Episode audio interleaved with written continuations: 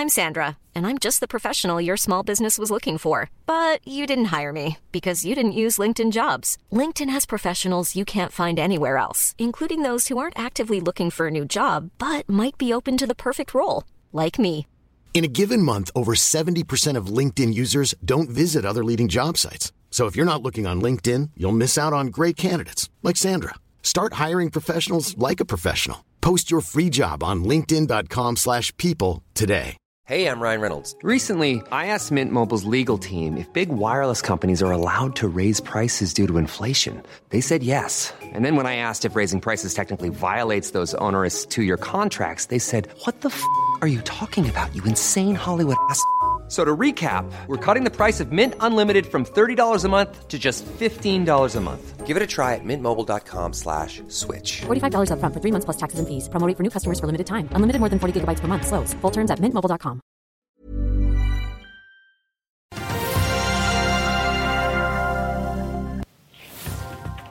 Flyrsjefen går av og finansdirektøren tar over, men hva er egentlig Brede Hussers plan for å redde Flyr? Og i Autostore der går finansdirektøren av, og i Kina der surner markedene over opptøyer mot koronatiltakene. Det er mandag 28. november. Velkommen til Børsmorgen.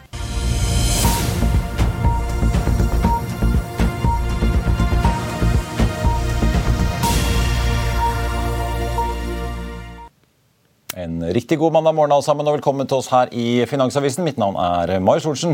og Med meg har jeg aksjekommentator Karl Johan Molnes. og Vi får også straks med oss DNB Markets eiendomsanalytiker Simen Mortensen, som har fingeren på pulsen i en bransje der rentene begynner å presse. Vi- Wall Street falt jo, er jo får vi si, tilbake denne uken etter thanksgiving. Dow Jones-indeksen endte fredag opp 0,4% mens Nasdaq endte ned 0,5 og SMP 500 endte flatt da, på en litt redusert handelsdag med kort åpningstid, som også markerte slutten da på en si, rolig kort og uke med da solid oppgang under thanksgiving. Roger Berntsen i Nordnett skriver på morgenkvisten i sin morgenrapport at alle børsindeksene i Asia falt eh, da urolighetene i Kina, der vi da gjennom helgen har sett eh, stadig flere demonstrasjoner mot eh, de strenge koronatiltakene i landet. Og folk begynner nå å spekulere om dette er den største og første store motstanden mot president Xi på en god stund. Hang Seng-indeksen ledet an nedsiden etterfulgt av Shanghai CSI 300. Nikkei-indeksen i Tokyo klarte seg derimot langt bedre, men den er bare ned 0,4% Hovedindeksen her hjemme den steg 3,3% i forrige uke, men opp skal den neppe i dag, ifølge værmeldingene. Roger Berntsen i Nordnett venter et fall da på en halv prosent fra start. DNB Markets ligger inne med et estimat på minus 0,8. Og vi kan nok skylde litt på oljen her, at eh, futuresene for eh, Oslo Børs ligger under de europeiske ellers, for oljeprisen er ganske kraftig ned siden fredag. Eh, Spotprisen på Brent er nå ned 2,7% til 81,50. Vi så jo da en pris på så vidt over 89 dollar fatet på det meste i forrige uke. Den amerikanske lettoljen ned 3% til 74,25. Må vi ta med noen eh, nyheter som er verdt å eh, få med seg på morgenen. Søndag ble budsjettforhandlingene i eh, Stortinget mellom regjeringspartiene og SV flyttet til statsministerens kontor. Og alle de som sitter i si, kraft- og laksaksjer får jo bare passe på, for det kan jo komme da skatteendringer sammenlignet med det opplegget som regjeringen opprinnelig har foreslått i budsjettet. Yinhui er ute med tall. De fikk et driftsresultat på 1,4 millioner dollar i tredje kvartal mot 19,8 på samme tid i fjor og det ser ikke ut til å bli noe utbytte for dette kvartalet. Northern Ocean fikk et driftsresultat på minus 17,3 millioner mot minus 20,2 på samme tid i fjor. Riggen Deep Sea Bolstad er nesten fremme i Namibia for den tidligere annonserte kontrakten med Shell, og riggmobiliseringen ventes da ferdigstilt i november, opplyser eh, selskapet. Og den andre riggen Deep Sea Mira er fortsatt i varmt opplag i Norge under driftsavtale med Oddfjell Drilling. SSBs varehandelsindeks for oktober er ute. Det med Markets eh, hadde i forkant et estimat på minus 0,4% fra måneden før, og peker på at det er foreløpig få tegn til den betydelige oppbremsingen i forbruket som Norges Bank har lagt til grunn. Fasiten viser et fall på minus 0,3% Omsetningsvolumet nå er på vei ned mot nivået fra før pandemien, skriver SSB. Og så er Skatteetaten da ute med endelige oljeskattetall for 2021. Skatten i fjor ble fastsatt til 299,2 milliarder kroner, en økning på 320,6. Og Det skyldes da at inntekten i 2020 var netto negativt, i og med at en del selskaper fikk utbetalt fremførbare underskudd. Skattedirektør Nina Funnemark venter at skatten i år altså vil ende på 872 milliarder. og Det er jo da før utbyttene fra Equinor til statskassen.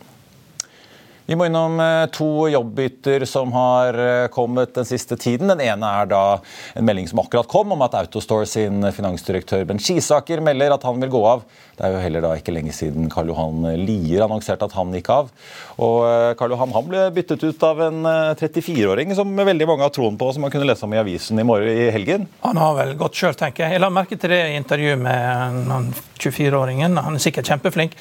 Det er at de har tenkt også å begynne med en sånn leasingmodell der at de ikke bare selger, ikke bare selger eh, lager eh, sorteringssystem, men de skal også ha det på leasing, der du betaler per plukk. Ja. Og Det er klart, det vil jo også da medføre Det, det høres jo ut som at det, det hører, Alt dette høres ut som en stor profit-warning. Ja. Eh, og Du ser jo aksjen også, den er vel ned om 5-6% Den kommer sikkert til å gå mye lenger ned også. Og, eh, det er jo Softbank og eh, et annet stort private equity-firma som eier to tredjedeler av aksjene. og eh, Denne her skal langt lenger ned. og eh, for dette er en finansdirektør som var med selskapet før børs, den store børsnoteringen, som jo var den største vi hadde på Oslo Børs. Ja, det, det, Bent var tidligere CFO i Nelland, så han har ja, ja. vant med vekstselskaper. Jeg kjenner jo han godt, så det, Han går jo ikke uten grunn. Uh, og her, Dette er fork in the road. Her skjer det et skifte.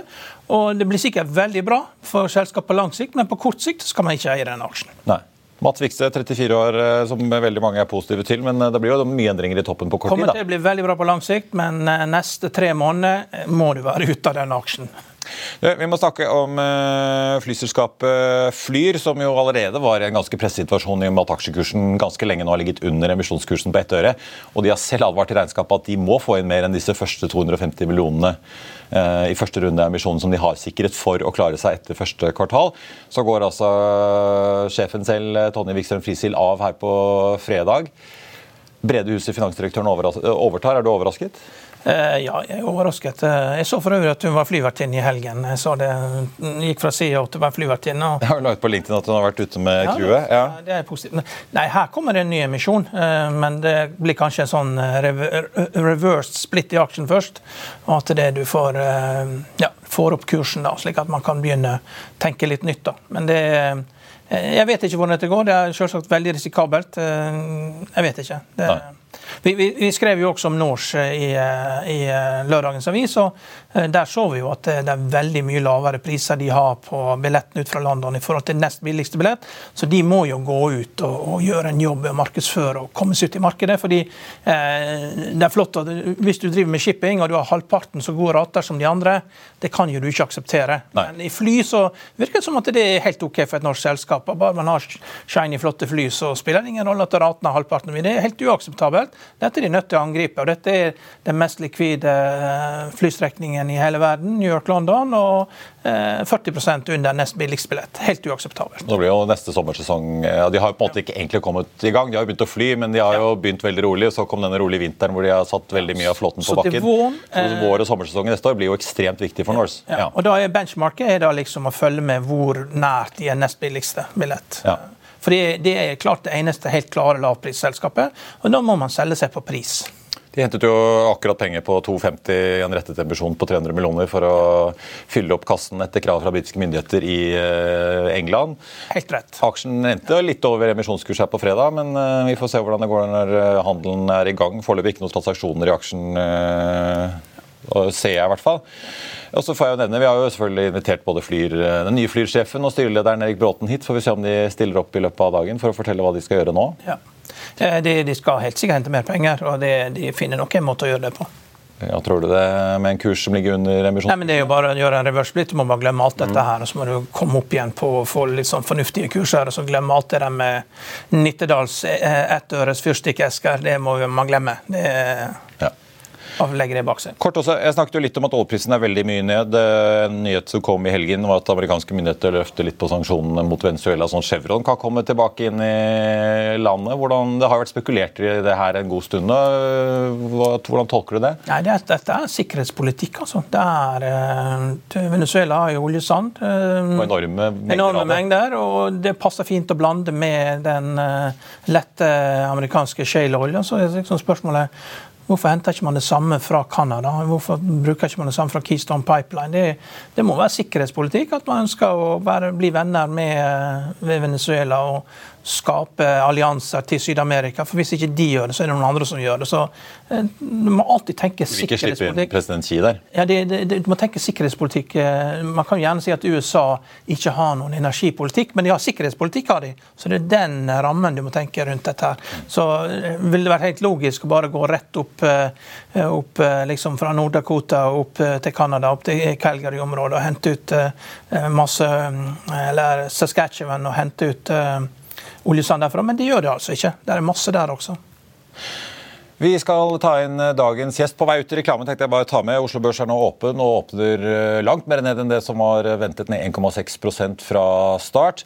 Ganske sur dag eh, for de aksjene vi har snakket om. Autostore ned 7,3% fra start. Flyaksjene også sliter mye. Flyr er ned 2,99 nå. Norwegian følger dette med nedgang på 2% SAS 1,2 Norse Atlantic faller 2,75% da til 2,66. Emisjonskursen da 2,50. Ellers er Jinhui Shipping faktisk så vidt i pluss, eh, så de reagerer jo da opp på tallene. På listen over de mest omsatte aksjene så er det jevnt over rødt. Vi er straks tilbake rett etter dette. La oss i Finansavisen hjelpe deg med å holde deg oppdatert på alt som skjer i finans og næringsliv. Hver morgen er jeg, Marius Lorentzen, og aksjekommentator Karl Ann Målnes på plass i studio for å ta tempen på dagens marked i Børsmorgen. På ettermiddagen oppsummerer vi alt du trenger å vite i økonominyhetene, og så får vi selvfølgelig besøk av masse interessante gjester. Du finner oss på fa.no-tv, eller ved å søke opp Børsmorgen og Økonominyhetene der du hører på podkast. Hey, it's Danny Pellegrino from Everything Iconic. Ready to upgrade your style game without blowing your budget? Check out Quince. They've got all the good stuff shirts and polos, activewear, and fine leather goods, all at 50 to 80% less than other high end brands. And the best part? They're all about safe, ethical, and responsible manufacturing.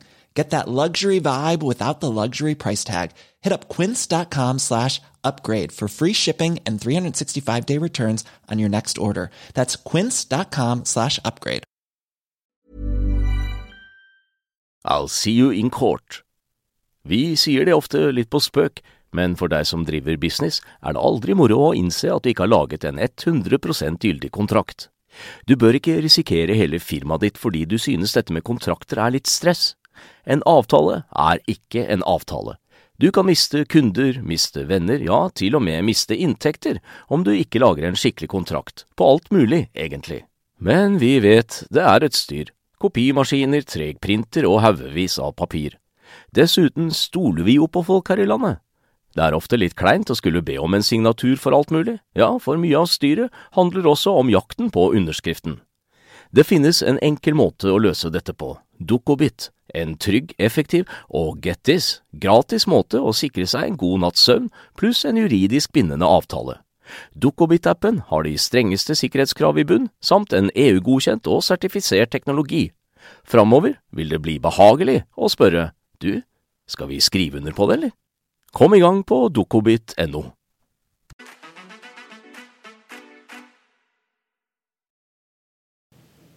Velkommen tilbake. Jeg holder opp avisen rett og slett for å vise frem hva vi skal eh, snakke om nå. Eiendom. For de som eh, ikke kjenner igjen, så er dette da Equinors kontoret på Fornebu i Oslo, der vi vi da kunne skrive at leieinntektene nå ender på 202 millioner, og rentene ender på 212. Velkommen, Simen Mortensen i DNB Markets. Jo, takk.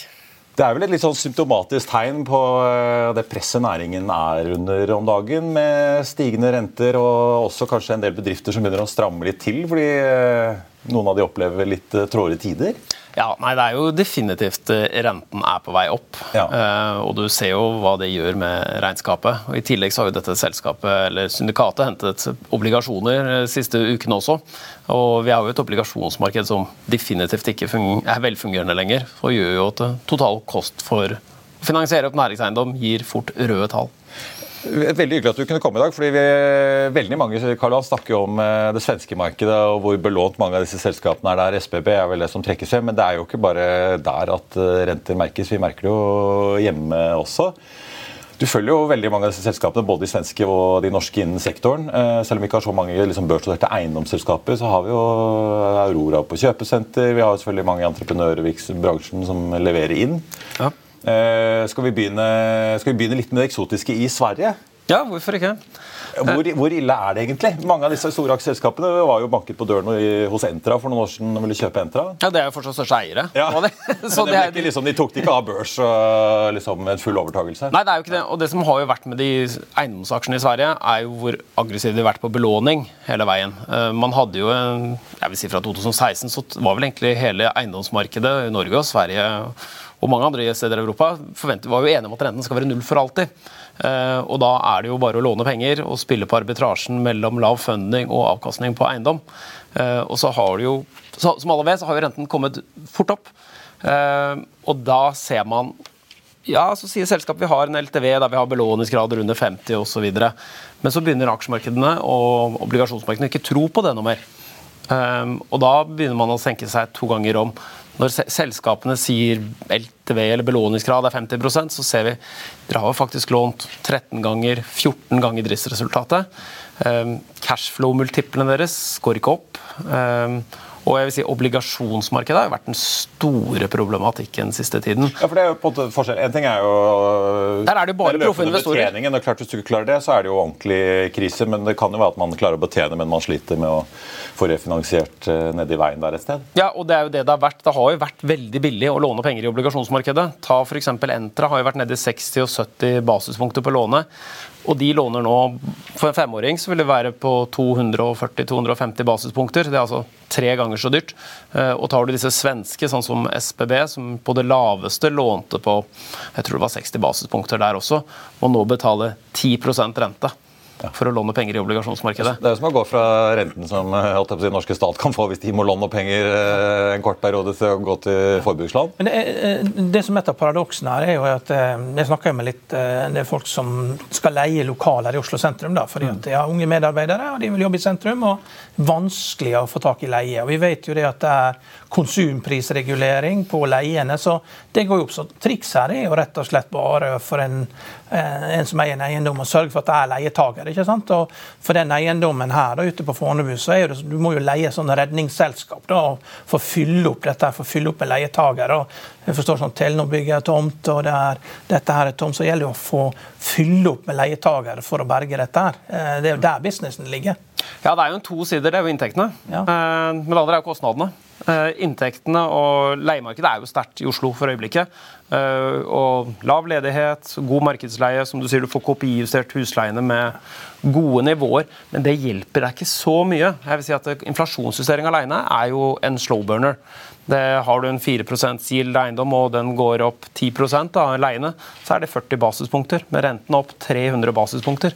Så det slår så mye mer, den kostnadsøkningen som er jo det fare. Det er jo behov for eiendom. Det vil alltid ha en verdi. Det spørsmålet bare hvilken verdi, og hvor høyt belånt er de forskjellige aktørene. Er det noen av disse svenske sånn som du tolker som kan velte fordi de ikke vil klare å betjene løpende, eller er det mest det at de, den dagen det er forfall, så får de ikke refinansiert? Det er forfallene som er utfordringen her. for Det det, det som er i eiendomsmarkedet i dag. Du har billige rentebindingssikringsinstrumenter som gjør at du har fortsatt cashflow på, så lenge du har de rentebindingene. Og så har du gamle låneavtaler. Og de er jo fortsatt lave, men det er jo etter hvert som du ruller og bare tiden går, og man må fase inn de nye markedsprisene, nye leiene, at eh, det har en verdi. De Kjøperne i dagens marked må jo hensynta den nye fundingkostnaden og nye renten. og Det er derfor det er såpass stort fall i transaksjonsmarkedet. Fordi det blir så stor avstand mellom kjøper og selger. De blir ikke på en måte fortløpende spist, det handler mer om at de treffer en betongvegg eh, en og en, et eller annet sted første halvår neste år, eller Ja, det, de pleier å ha ganske spredt ut ja. låneforfall. så Det kommer litt og litt og litt og drypp med tiden. Og, er det SBB som ligger verst an i Sverige, sånn som du leser? Eller det er jo liksom ofte Ja, tabloid, tabloide konklusjonen at ja, det må være SBB, men Ja, nå har vi faktisk litt sånn, vi er restricted, som det heter på fagspråket, Ja. i den aksjen. Så vi har ikke lov til å gå ut og si for mye akkurat der nå. Eh, men det er vel en aksje som har litt høyere belåning enn de andre. Det kan vi bare lese ut av balanseregnskapene. Ja, nei, de har vel På våre estimater som vi gjør ute, så har de lånt eh, nesten over 20 ganger nettept til BD. Så Men det er jo så liksom Karl Johan var inne på smitteeffekten til Norge. Da. Det er jo, Entra har jo falt like mye som noen av disse svenske ja, Det var jo budkamp rundt uh, selskapet, så det er, ikke så, det er ikke så skikkelig rart. Og det var disse aktørene som bydde på Entra, og de er, eier jo nesten 70 til sammen, både Castellum og Balder. Um, og Entra er jo selvfølgelig da en nøkkel, veldig kvalitetsselskap, men når de f.eks. kjøpte Oslo Areal for ca. et år siden, så gjorde det et lite skifte. Entra har jo alltid vært et relativt konservativt belånt selskap. Belånt ti ganger driftsresultatet omtrent. Men de gjeldsfinansierte jo hele eh, kjøpet av Oslo Areal. Det var fra Gjensidige, var det? Det var det. Ja. Ja, for jeg ble litt overrasket da jeg så den nedskrivningen. Det var vel nesten 4 milliarder som kom nå i forrige kvartalsrapport, som sendte aksjen rett ned den dagen.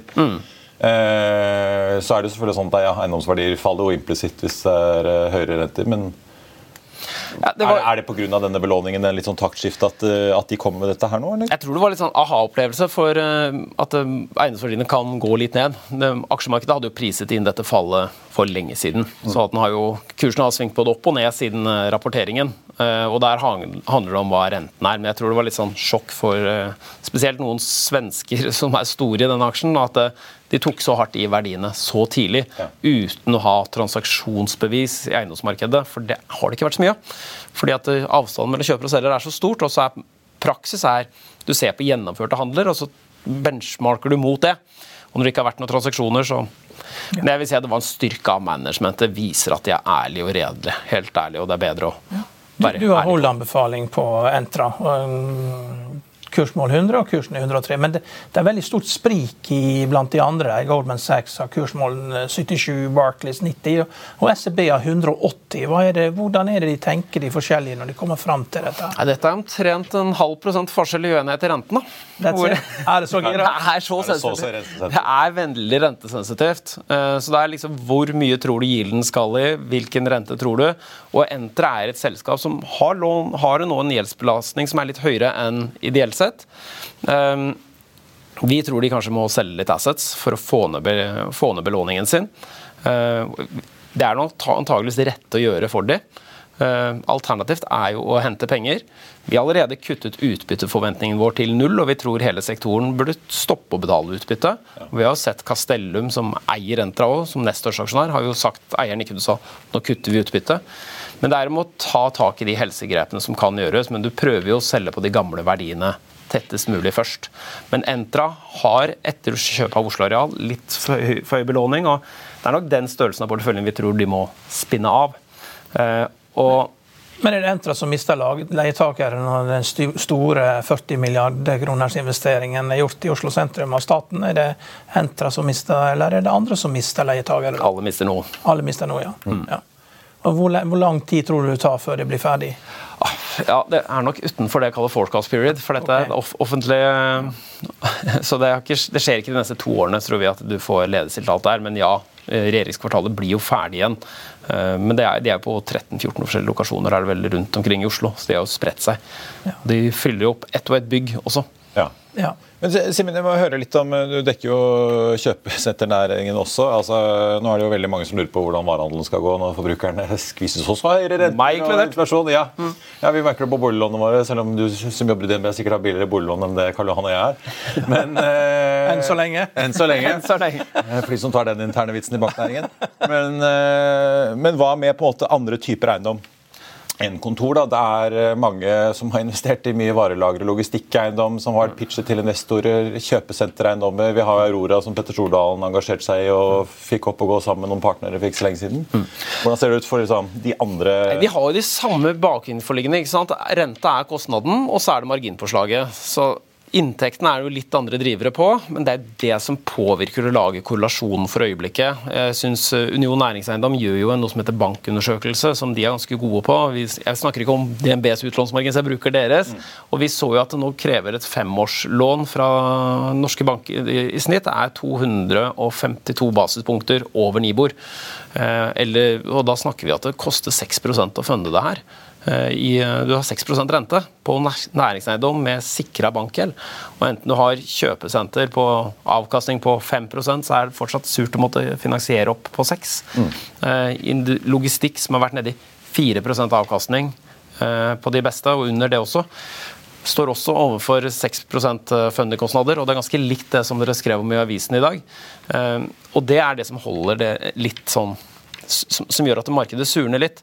Leiene er jo gode hele veien. Kjøpesenter Det er, det er jo spådd kjøpesenter død, i hvert fall så lenge jeg har dekket den aksjen, men eh, likevel så leverer de jo godt og stabilt. Det er, det er vanskelig å stoppe å spise, har jeg erfart, sånn over ja. lang tid. Ja, så underliggende, ja.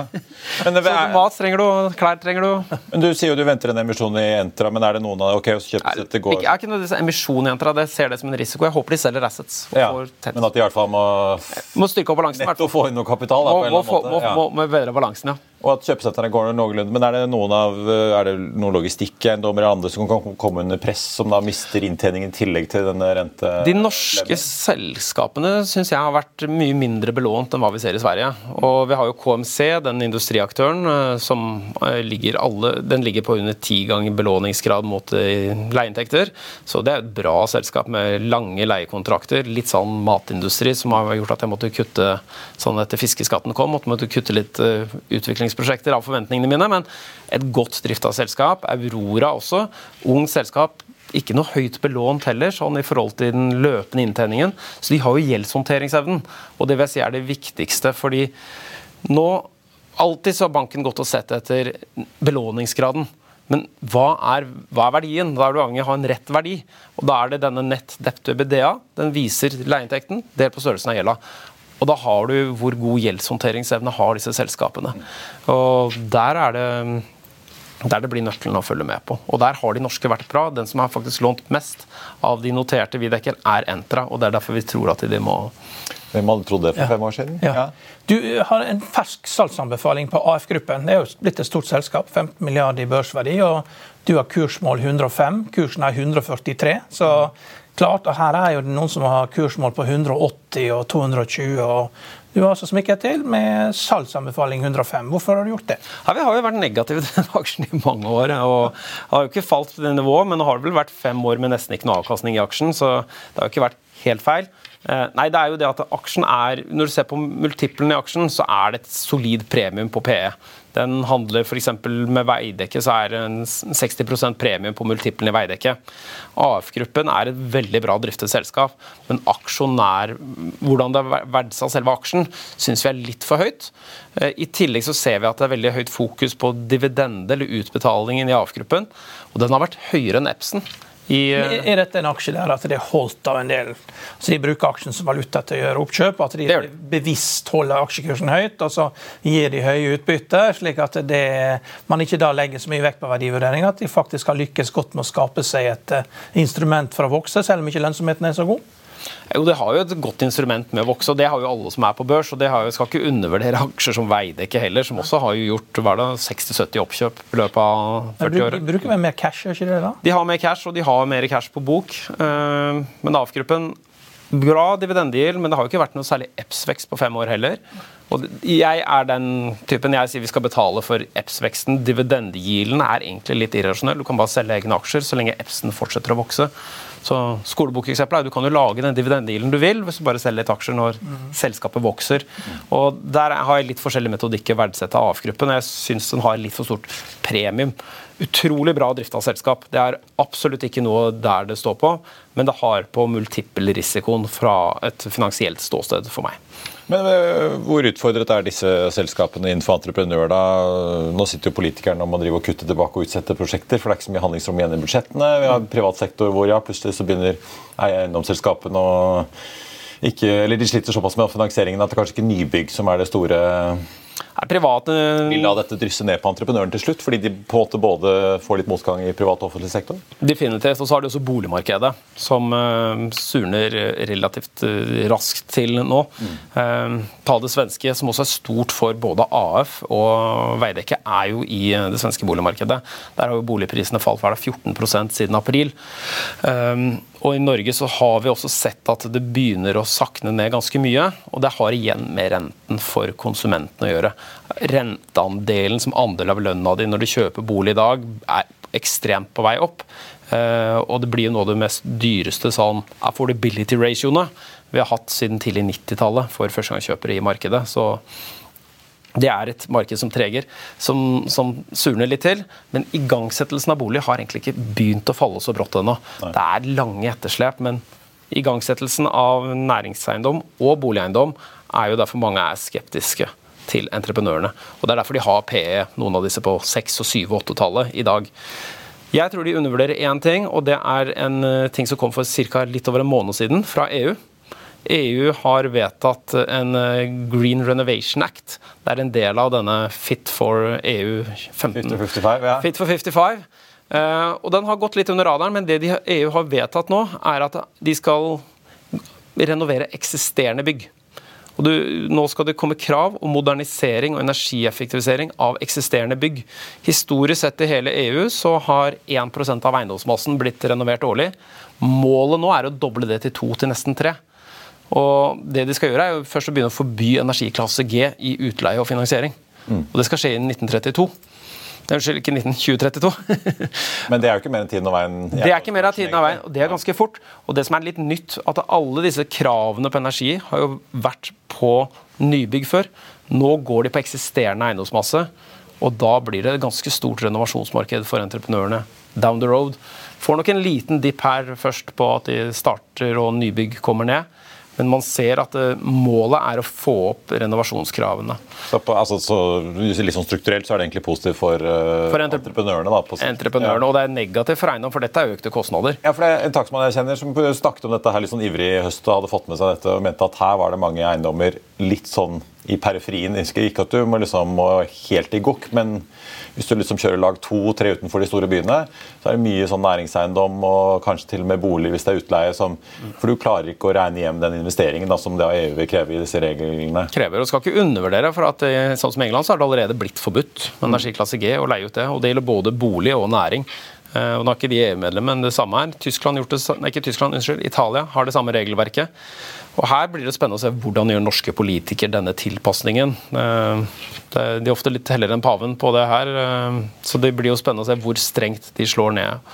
Vi er jo et yngre land, da. Vi har jo yngre boligmasse enn det det Men dette skal også gjelde private bygg ikke sant? og private boliger. og det så vil det på en måte ja, det skape en litt risikabel fremtid for alle på en måte eiendomsselskaper som driver sekundærbyer og sånn? da? Med, med, dagens strømpriser så er det i hvert fall lønnsomt å gjøre investeringene. Ja. det kan vi oss med. ja, ja. Men at det medfører at du får et litt sånn taktskifte, og at eh, god eiendom vil, være, vil fortsatt være god eiendom, men forskjellen vil kunne bli større. da. Vi vil fortsatt se sånn totalrenovering i Bjørvika. fem ja. gamle bygg. Ja. Du har kjøpt på Pandox, hotell, hotellselskap som driver med De eier mm. hoteller som de leier ut. Mm.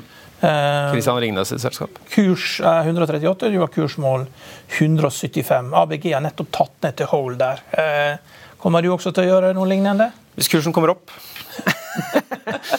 Eh, nei, jeg er der hvor jeg tror effekten av at du går ut av pandemien for en hotellaktør er mye større enn de andre finansielle problemene. Og dessuten, og en ting, Pandox har bare banklån. De er ikke obligasjonsmarkedet, så de slipper disse problemene som veldig mange av de svenske selskapene får.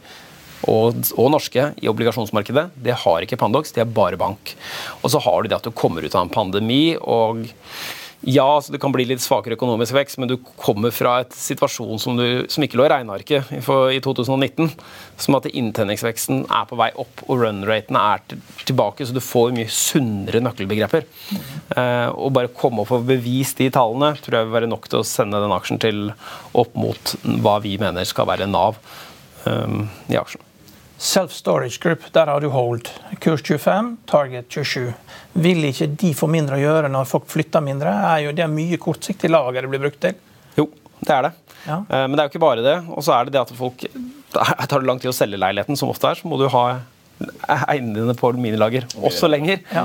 så du skal ikke undervurdere det. og Ser du på statistikker fra USA, så er det ganske sånn resilient. Den, den, Folk trenger det selv i nedgangstider, virker det som? Nei, men USA er litt annerledes, tror jeg. Altså, der bruker man jo sesonglager. altså Du tar ting inn og ut på sesong. Her, Jeg vet ikke hva som er målgruppen. Jeg husker jo pitchen da de gikk på børs. Det var jo at liksom, det er mindre og mindre leiligheter, mer og mer urbant, og folk ja, ja. da denne midlertidige ekstraplassen. Ja. ja, det gjør det. Og det er jo et midlertidig lager. Det er ikke et permanent lager, men eh, det er jo bedrifter som bruker det, det er privatpersoner som bruker det sesongmessig. Det ligger som oppbevaring. Det er et massemarked hele veien. Det har ikke lang historikk i Norge. Det er vel egentlig bare 15 år det har eksistert i Norge som produkt. Så vi har ikke fått testet det noen nedgangskonjunktur i Norge enda. Uh, alle som har leilighet på Manhattan, har sin egen sånn stor boks. da. Mm. Uh, stor eller liten boks. da. Og, og, det er vel ikke sånn ennå i Oslo at folk uh, har det, de som har små leiligheter. Nei, definitivt ikke. Nei. Så det, jo, det, blir jo viktig å følge med på. Nå er det tror jeg nok driften fra det selskapet selv styrer over. Og det at de skal åpne såpass mye nytt, er jo det som lager veksten i dette selskapet. Det er mange små byer i Norge som ikke har minilagerfasilitet, hvor de går inn, åpner minilager og tilpasser det og lager et marked for det.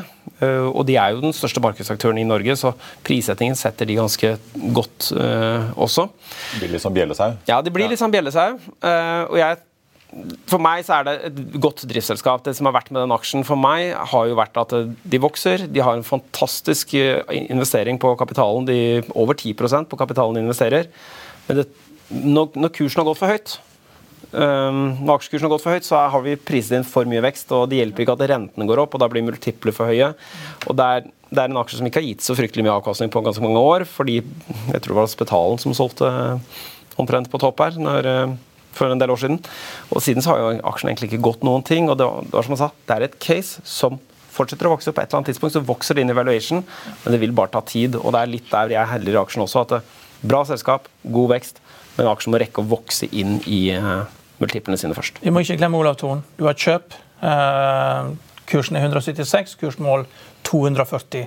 Jeg så på markedcapen 18 milliard, og AF-gruppen er 15 milliard. Så det, det, er jo ikke så veldig høy verdivurdering på den aksjen, egentlig. 18 eh, milliard kroner for Olav Thon. Det er jo halvparten av Nav-en. Ja. ja, der var det også gjort nedskrivninger. Ja. ja, men det har bare vært småtteri. Men husk på, det, den har jo Nav på nesten ja. på det dobbelte. Eh, så det er jo en annen aksje. Og der har du også en aktør igjen som er jo veldig finansielt sterk. Eh, lave belåningsgrader. Og Hvis markedet surner til, hvem er det som står da klar for å ta opp rakrestene? Det er jo de finansielt sterke. Og det er der, Når eiendomsmarkedet kommer i en transaksjonsfase, så er det jo med de finansielt sterke som vil vokse. Og Her snakker vi en av de mest finansielt sterke.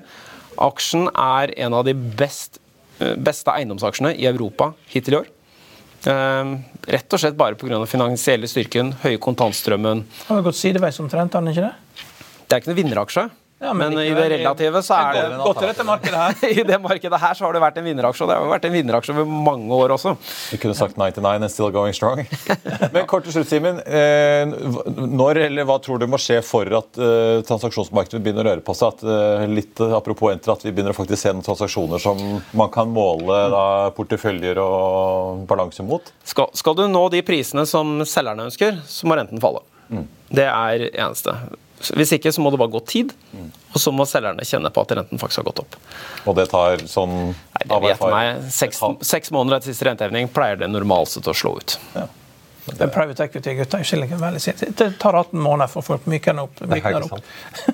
Simen Bortsen i DNB Markets, tusen takk for at du kom innom og ga oss en veldig god oversikt over alt som rører seg i ja, alt fra kjøpesenteret til uh, entreprenører og svenske eiendomsselskaper. Takk for det. Oslo Børs nå, ja, verste nedgangen som vi så fra starten, har hentet seg noe inn. Hovedindeksen er ned 1,3 eh, med Autostore, som fortsatt ligger ned over 6% etter meldingen om bytte av finansdirektør. Eh, som nevnt, Oslo Børs eh, ned relativt bra over prosenten i dag. Autostore sliter jo da etter meldingen om bytte av finansdirektør. De har jo da akkurat også byttet konsernsjef fra Karl Johan Lier til da Mats Vikse. Flyr hvor Tonje Wikstrøm Friisli takket for seg på fredag. Åpner opp ned en 3 ligger nå på 0,64 øre mot en emisjonskurs på 1 øre. Vi håper jo da at vi hører fra flyledelsen hva de nå ser for seg videre, eh, når selskapet da fortsatt har tre av de fire rundene i emisjonen sin igjen. Norwegian oppnår opp 0,6% SAS ned en halv nå. Norse Atlantic er ned 1,1 til 2,70 kroner og 70 med en emisjonskurs på 2,50. altså.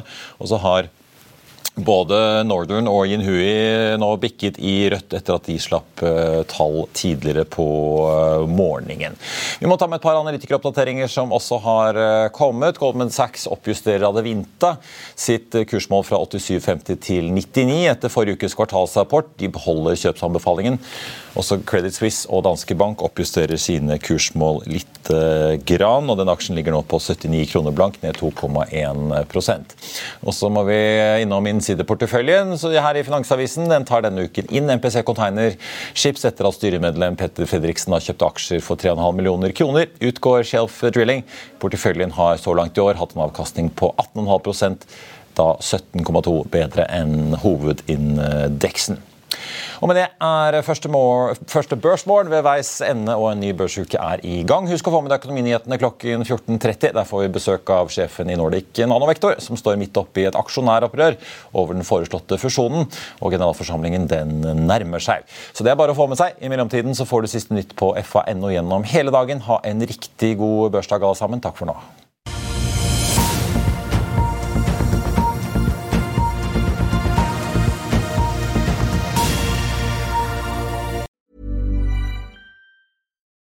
Without the ones like you, who work tirelessly to keep things running, everything would suddenly stop. Hospitals, factories, schools, and power plants, they all depend on you. No matter the weather, emergency, or time of day, you're the ones who get it done. At Granger, we're here for you with professional grade industrial supplies. Count on real time product availability and fast delivery. Call clickgranger.com or just stop by. Granger for the ones who get it done. Økonominyhetene er en podkast fra Finansavisen. Programledere er Marius Lorentzen, Stein Ove Haugen og Benedikte Storm Bamvik. Produsenter er Lars Brenden Skram og Bashar Johar. Og ansvarlig redaktør er Trygve Hegnar.